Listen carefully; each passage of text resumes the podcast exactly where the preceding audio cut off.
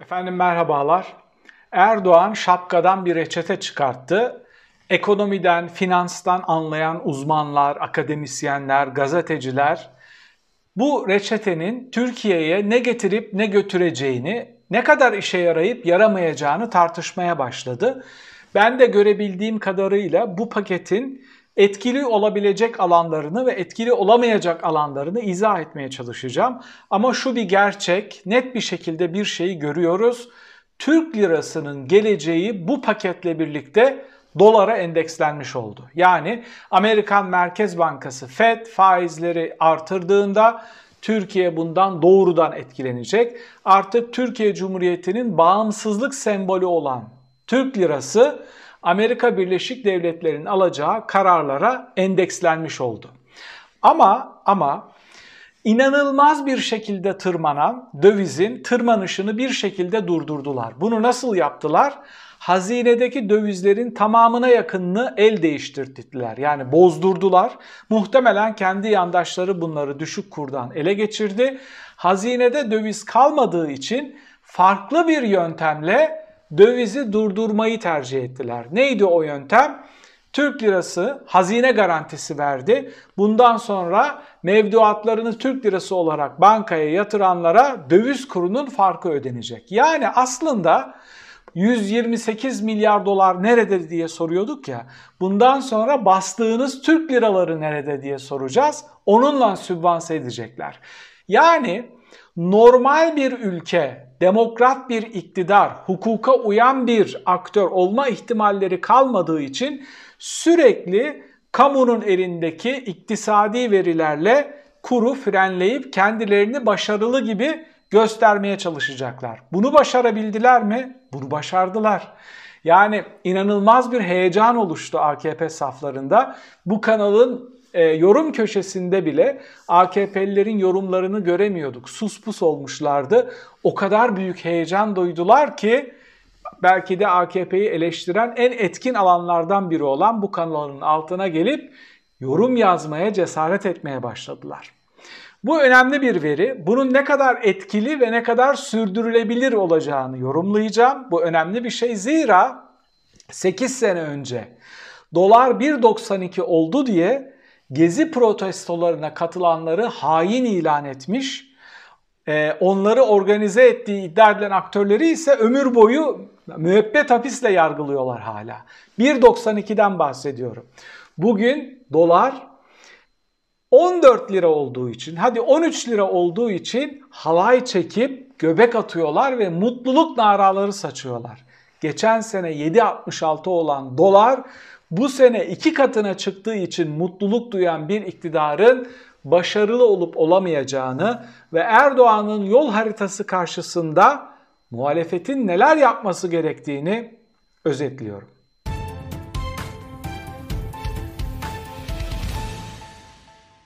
Ben naslara uyarım, faizciliğe taviz vermem diyen Erdoğan gelin Müslümanlara şunu söyledi.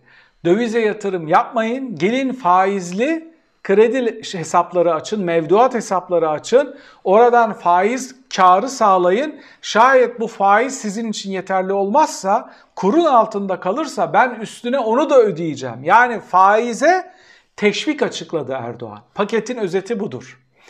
Peki bu nereye kadar sürdürülebilir? Bunun ilk sinyali borsadan geldi. İstanbul borsası bugün ikinci kez tahtaları durdurdu, rakamları, satışları durdurdu. Neden?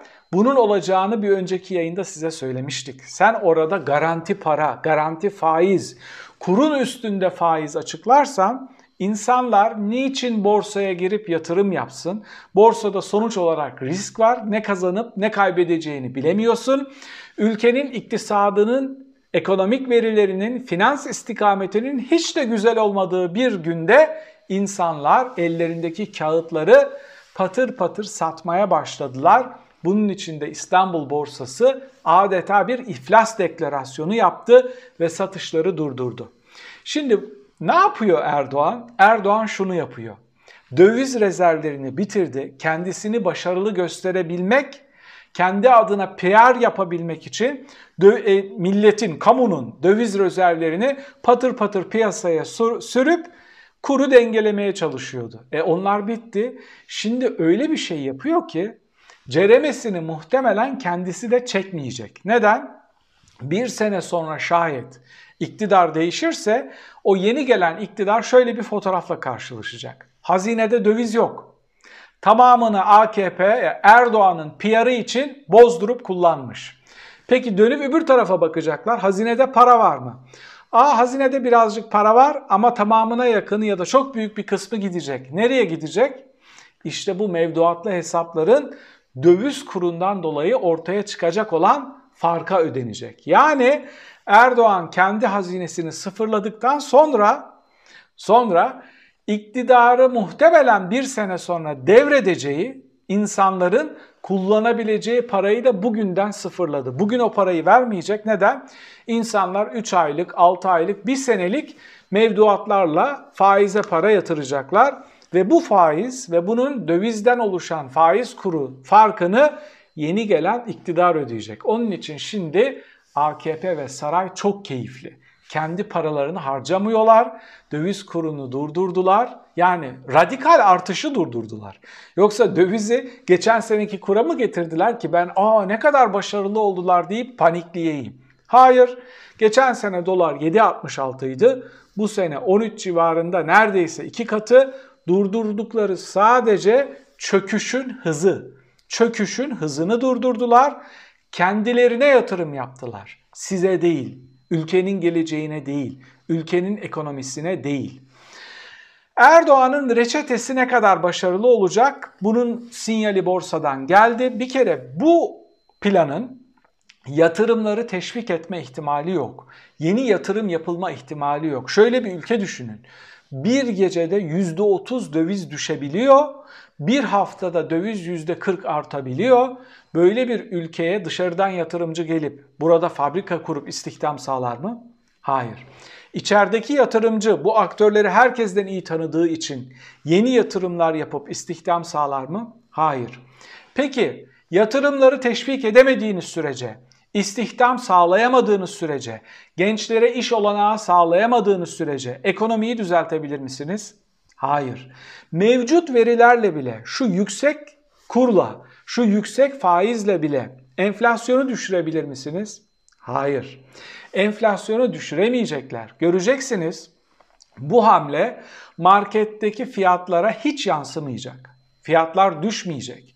Zira zira bu yapılan hamleyle sadece çöküşün hızı azaltılmış oldu. Ama ama karşımızda çok çok enteresan bir tablo var.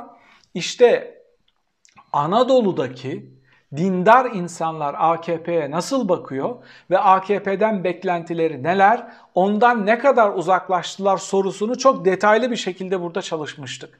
İşte o kitle heyecan duymaya başladı. Hani şu çok kızdığımız kararsız %15 var ya, tamamen iktisadi verilerle AKP'den uzaklaşmış kararsız kitle var ya, onlar büyük bir heyecan içinde. Şimdi bu heyecanı kime göstermemiz gerekiyor? Muhalefete. Muhalefete buradan dilimizde tüy bitti. Dedik ki bakın sizin oylarınız artmıyor. Kısmen İyi Parti'nin oyları artıyor. Onun dışında Erdoğan'dan müthiş bir kopuş var ama sizde öyle büyük bir yükseliş yok. CHP'yi en yüksek görebilen ölçenler %26, %27 görüyor. Ki ki benim çok daha güvendiğim anketler, çok daha sağlıklı bulduğum anketler CHP'nin %24-25 bandında olduğunu gösteriyor. E senin en kötü verilerin olduğu dönemde AKP ile aranda henüz veya hala %10'a yakın fark varsa sen çıkıp Cumhurbaşkanlığı adaylığı benim hakkımdır deyip masaya vurabilir misin? Vuramazsın. Karşı karşıya kaldığımız tablo tamamen bununla ilintili daha da tehlikeli şeyler yapıyorlar. Sabit kur rejimine geçildiğinin örtülü e, ipuçlarını vermeye başladılar. Merkez Bankası bir kur açıklıyor sabah, diğer bankalar da ona uymaya çalışıyor ve bunu böyle götürmeye çalışıyorlar. Farklı bir iddia da şu, hazinede para bitti ama kendilerinin elinde müthiş döviz yığınağı var. Sonuç olarak bir kalemde 128 milyar doları bozdular ama o daha sonra 150 milyar dolara kadar çıktı. ellerindeki parayı da bir gecede büyük bir kısmını ya da önemli bir kısmını piyasaya sokarak dövizi istedikleri yere çekebiliyorlar.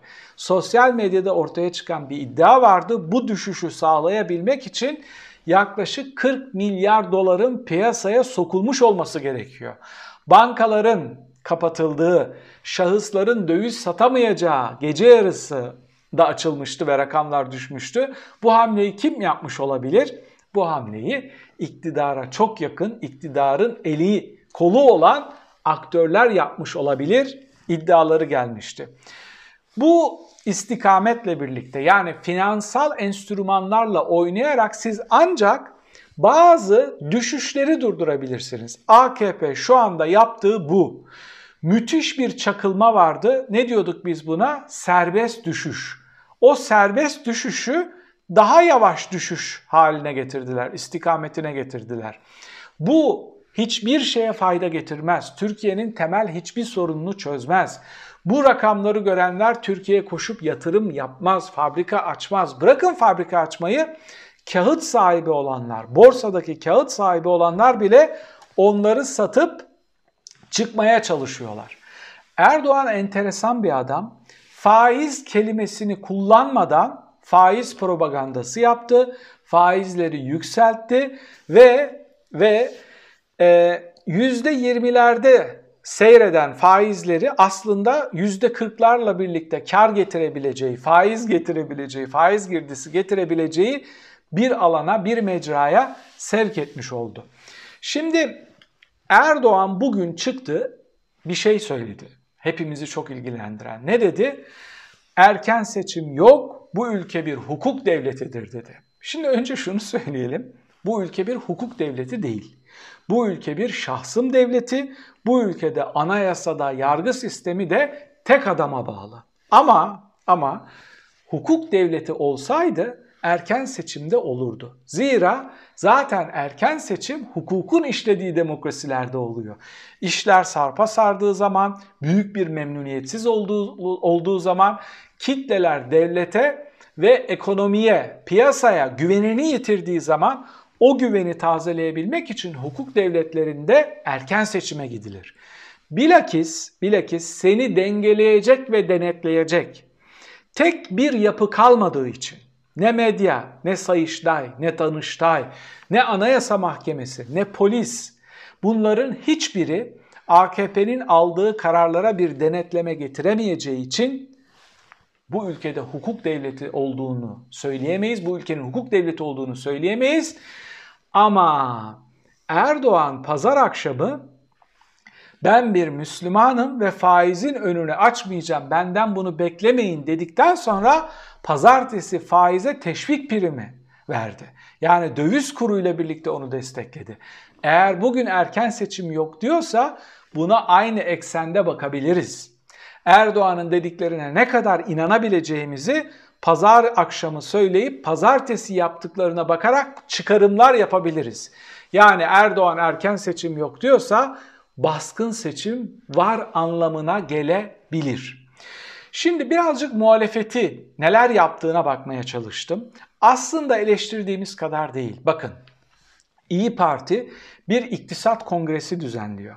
Neler yapacaklarını anlatacaklar kendi teorilerini anlatacaklar, kendi ekonomik modellerini anlatacaklar ve ekonomi konuşmaya başladılar. Şükürler olsun ki hala halkın çektiğini halka anlatmaktan vazgeçtiler.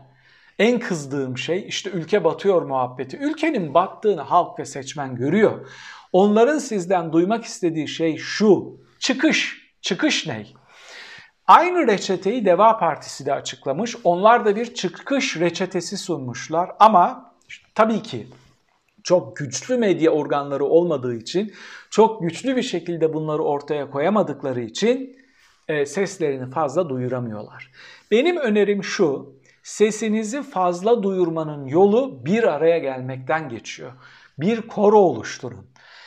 E, çözüm ve çıkış reçetesinde hem fikir olun ve o hem fikir olup markalaştırdığınız reçeteyi sokak sokak gezip halka anlatın. Şimdi bu heyecan kararsızlarda, trollerde, halay çekenlerde o gözlerimizdeki ışıltıya bakın sevinç çığlıkları var ya oraya bakıp şunu söyleyebiliriz. Muhalefet artık belki kazanabilir adayıyla artık seçime girme ihtimali yok. Zira karşınızda devletin tüm kurumlarını, enstrümanlarını gördüğünüz ve göremediğiniz, bildiğiniz ve bilemediğiniz finansal kaynakları sonuna kadar kullanıp hamle yapma şansı olan, halkın gözünü boyama şansı olan bir aktör var.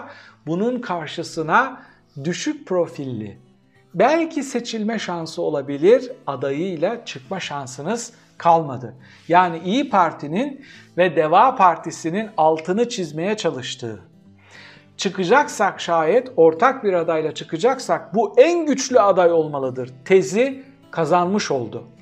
Ben bundan sonra muhalefetin çok daha güçlü bir şekilde buradan bir ders çıkartacaklarını ve iktisadi bir dille konuşup halka iktisadi verilerle sesleneceklerini düşünüyorum.